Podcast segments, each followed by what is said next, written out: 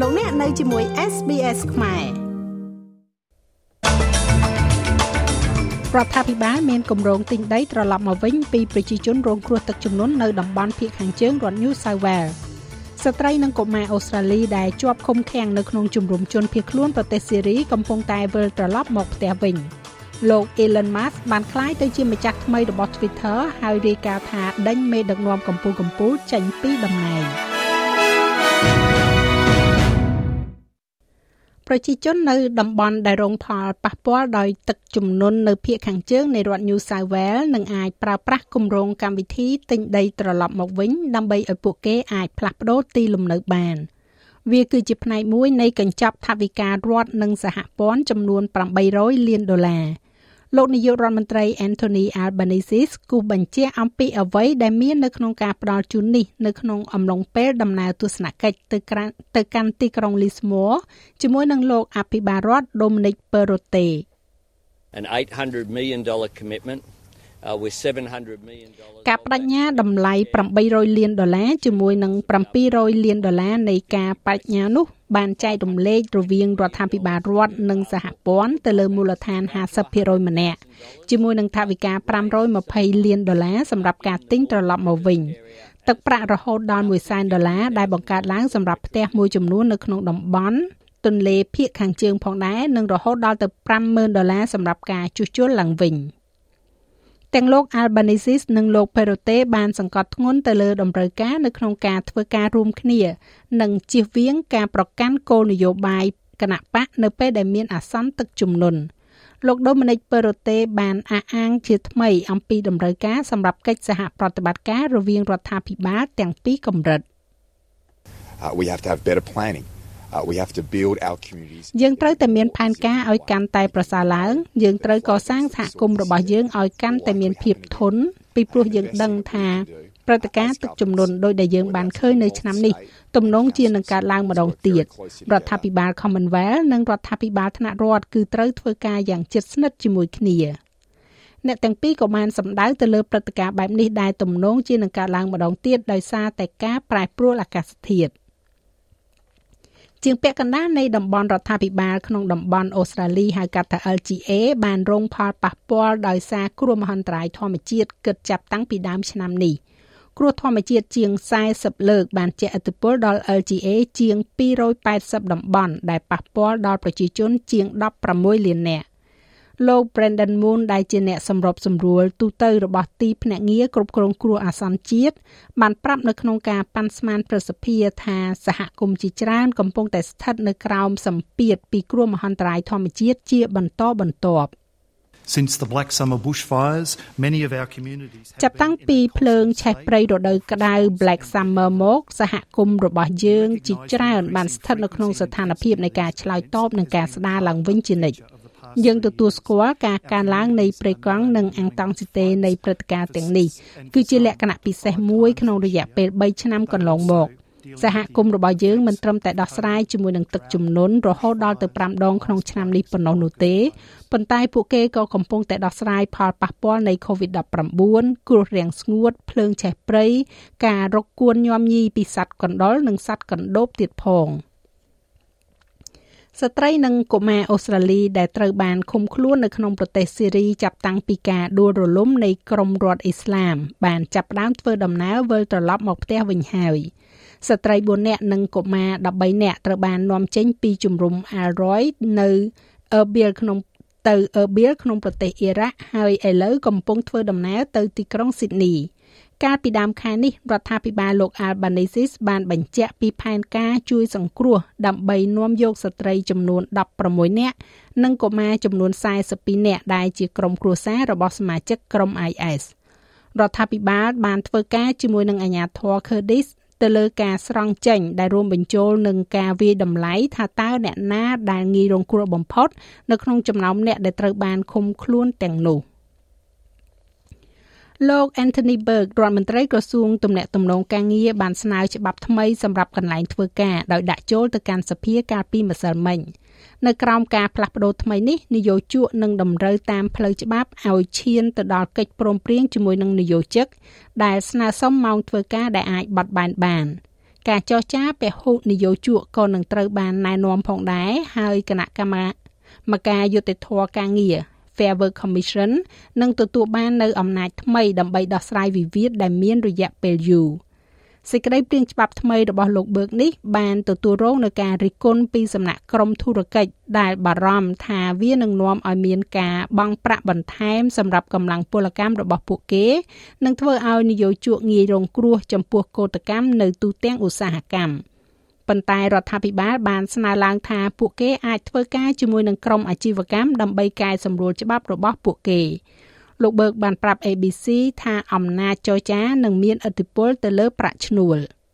We need to get wages moving. And we know to get wages យើងត្រូវតែធ្វើឲ្យមានការផ្លាស់ប្ដូរប្រាក់ឈ្នួលហើយយើងដឹងថាដើម្បីទទួលបាននូវការផ្លាស់ប្ដូរប្រាក់ឈ្នួលយើងត្រូវធ្វើការចរចានិងធ្វើឲ្យកិច្ចព្រមព្រៀងផ្លាស់ប្ដូរម្ដងទៀតយើងបានធ្លាក់ចុះនៅពេលនេះគឺប្រហែល14%នៃកម្លាំងពលកម្មស្ថិតនៅលើកិច្ចព្រមព្រៀងដែលមាននៅក្នុងការបរិច្ឆេទឥឡូវនេះវាតែងតែជាវិធីល្អបំផុតនៅក្នុងការទទួលបាននៅលទ្ធផលសម្រាប់ប្រាក់ឈ្នួលកើនឡើង ដែលនាំឲ្យមានការកែលម្អផលិតភាពសម្រាប់អាជីវកម្មផងដែរ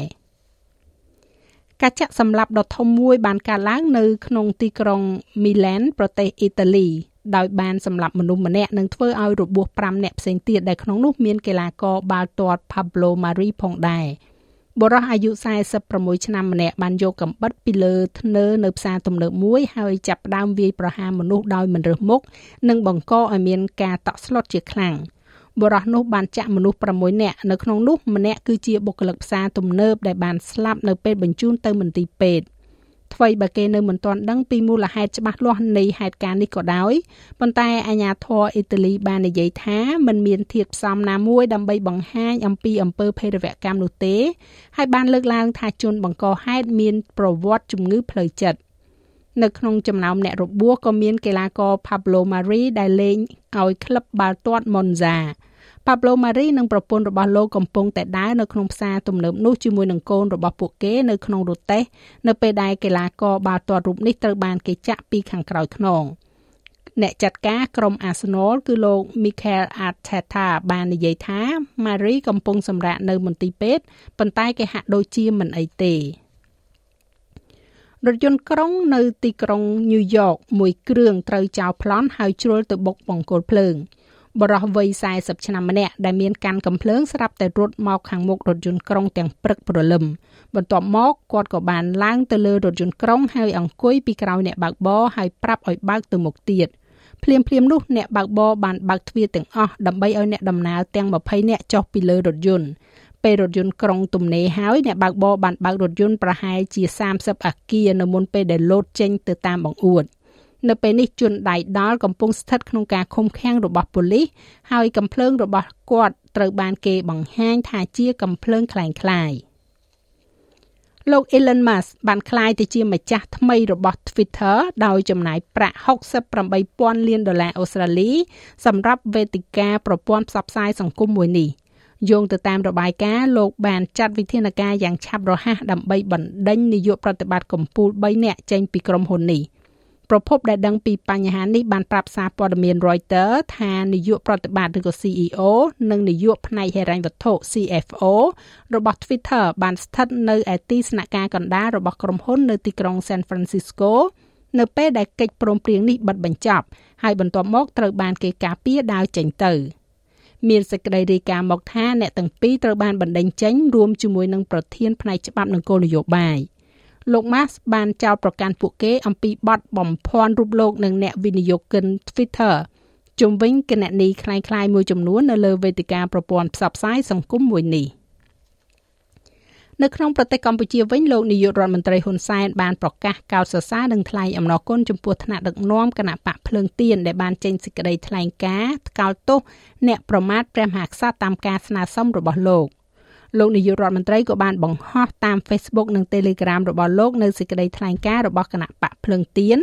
ដែលគណៈបកប្រឆាំងនេះបានប្រកាសបដិសេធចំពោះការចោទប្រកាន់នានាអំពីទំនាក់ទំនងរវាងគណៈបកភ្លើងទៀននិងលោកសំរងស៊ី អញ្ចឹងទេខ្ញុំក៏អំពាវនាវឲ្យសមាជិកសមាជិកានៃគណៈបកភ្លើងទៀនគ្រប់ជាន់ថ្នាក់ចាក់ចេញឲ្យបានស្រូតបំផុតតាមដែលធ្វើទៅបានពីគណៈបកនេះខ្ញុំអំពាវនាវឲ្យកម្លាំងប្រវុធទាំងអស់ប្រុងប្រៀបជាមួយនឹងសភាពការទាំងឡាយដែលអាចកើត ចាស់លោកមេងផាឡានឹងជួនសេចក្តីរាយការណ៍លម្អិតនៅវគ្គក្រោយជាបន្តទៀតឬលោកអ្នកអាចចូលស្ដាប់របាយការណ៍ពេញនៅលើគេហទំព័ររបស់យើងនោះគឺ sps.com.au/ ខ្មែរនៅក្នុងព័ត៌មានកីឡាបាល់ទាត់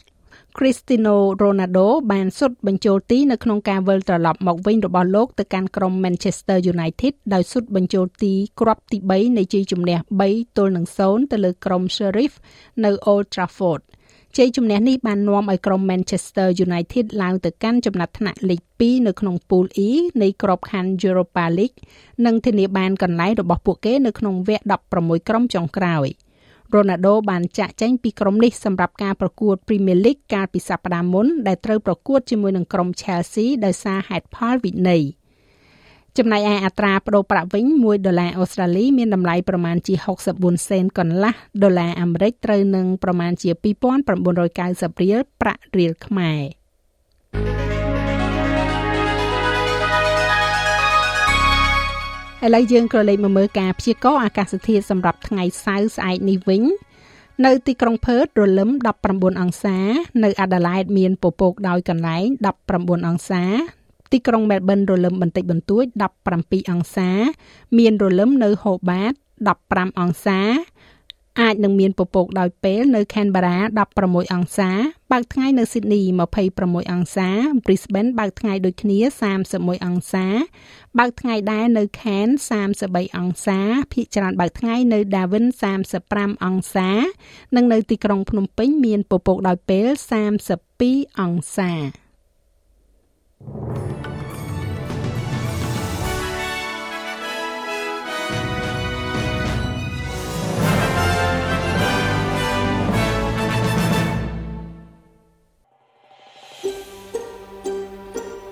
ចង់ស្ដាប់រឿងរ៉ាវបែបនេះបន្ថែមទៀតទេ ស្ដាប់នៅលើ Apple Podcast Google Podcast Spotify ឬកម្មវិធីដទៃទៀតដែលលោកអ្នកមាន។